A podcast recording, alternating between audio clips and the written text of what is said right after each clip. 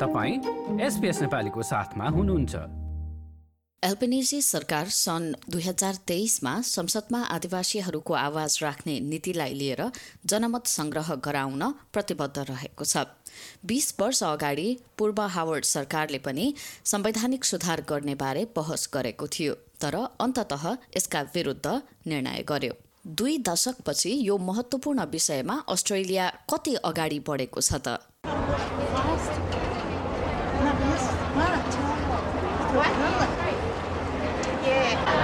सन् दुई हजारको मे महिनामा मेलमिलापको माग गर्दै सिडनी हार्बर ब्रिजमा मानव सागर ओर्लिएको थियो। आदिवासीहरूको आवाज स्थानीय क्षेत्रीय तथा राष्ट्रिय स्तरमा उठाउने बारेको सल्लाहकार समूह भोइस सिनियर एडभाइजरी ग्रुपकी उपाध्यक्ष मार्सिया लेङ्टन पनि मेलबर्नमा भएको समान किसिमको प्रदर्शनमा सहभागी भएकी थिइन् र उनलाई लाग्छ त्यो समय वास्तवमा परिवर्तनको बिन्दु थियो। And I remember going down to the bridge walk here in Melbourne thinking, oh, here we go again. There'll be about 50 of us. The police will, you know, outnumber us again.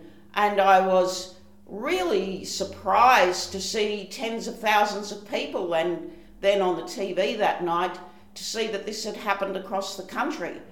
So I think this time was really a turning point त्यो वर्ष मेलमिलाप सम्बन्धी परिषद council for एबर्जिनल रिकन्सिलेसनले Howard सरकार समक्ष मेलमिलापको मार्गचित्र प्रस्तुत गरेको थियो। छ प्रमुख सुझावहरू सहित चोरिएका पुस्तासँग राष्ट्रिय स्तरमा माफी माग्ने सन्धिलाई लागू गर्ने र आदिवासीहरूलाई अस्ट्रेलियाका पहिलो बासिन्दाका रूपमा पहिचान गर्न संविधानको प्रस्तावनालाई परिवर्तन गर्न जनमत संग्रह गर्ने। समयमा काउन्सिलकी अध्यक्ष एभलिन स्कटले यो सँगै मेलमिलापको लागि अगाडि बढ्ने निर्णय गर्ने कुरा अस्ट्रेलियालीहरूमा निहित छ भनेकी थिइन् The council can only light the way. It cannot deliver the results. It is up to governments, industries, and each one of us to commit to finding the lighted path of lasting reconciliation.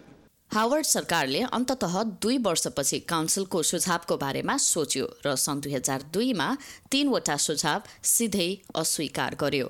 तर सन्धि विभाजित गर्ने किसिमको हुने भन्दै त्यस्तो परिस्थितिमा जनमत संग्रह गरिएन किनभने केही समय अगाडि मात्रै सन् उन्नाइस सय उनान्सयमा समान किसिमको जनमतको विपक्षमा अस्ट्रेलियालीहरूले मत हालेका थिए।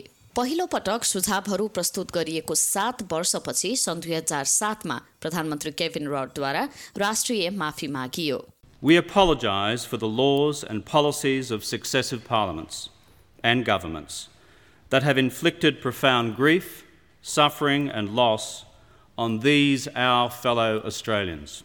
सन् दुई हजार तेइसमा एल्बनिजी सरकारले जनमत संग्रह गर्ने संकल्प गरेको छ। एबर्जिनल तथा टोरेस्ट्रेट आइल्यान्डर मानिसहरूलाई संविधानमा नै पहिचान गर्ने र इन्डिजिनस भोइस टु पार्लियामेन्टलाई स्थापित गर्नेमा सरकार प्रतिबद्ध रहेको छ। गठबन्धनमा यसलाई लिएर मतान्तर देखिसकिएको छ। नेसनल पार्टीका नेता डेभिड लिटल प्राउडले भोइस टु पार्लियामेन्टलाई समर्थन प्रदान नगर्ने बताइसकेका छन्। Unfortunately, we've got to a position where we don't believe that this will genuinely close. So the National Party has made a position that we will not support the voice uh, to Parliament.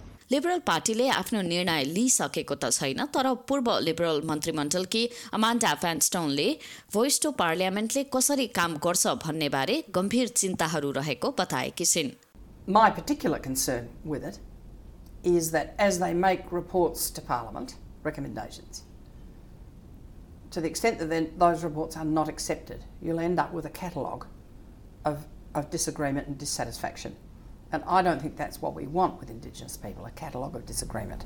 Voice senior सल्लाहकार समूहकी Marcia ल्याङ्टन भने राष्ट्रिय लहरलाई ध्यानमा राख्न गठबन्धनलाई आग्रह गर्छिन् So after three fails on the public mood, the marriage equality plebiscite, the Victorian election and the federal election, one would think that they might go back to the drawing board and come to terms with what modern Australians think. सारा टोमेप्सकाद्वारा SPS न्युजका लागि तयार पारिएको report SPS नेपालीका लागि सुनिता पोखरेलबाट like share र comment गर्नुहोस्। SBS नेपालीलाई फेसबुकमा साथ दिनुहोस्।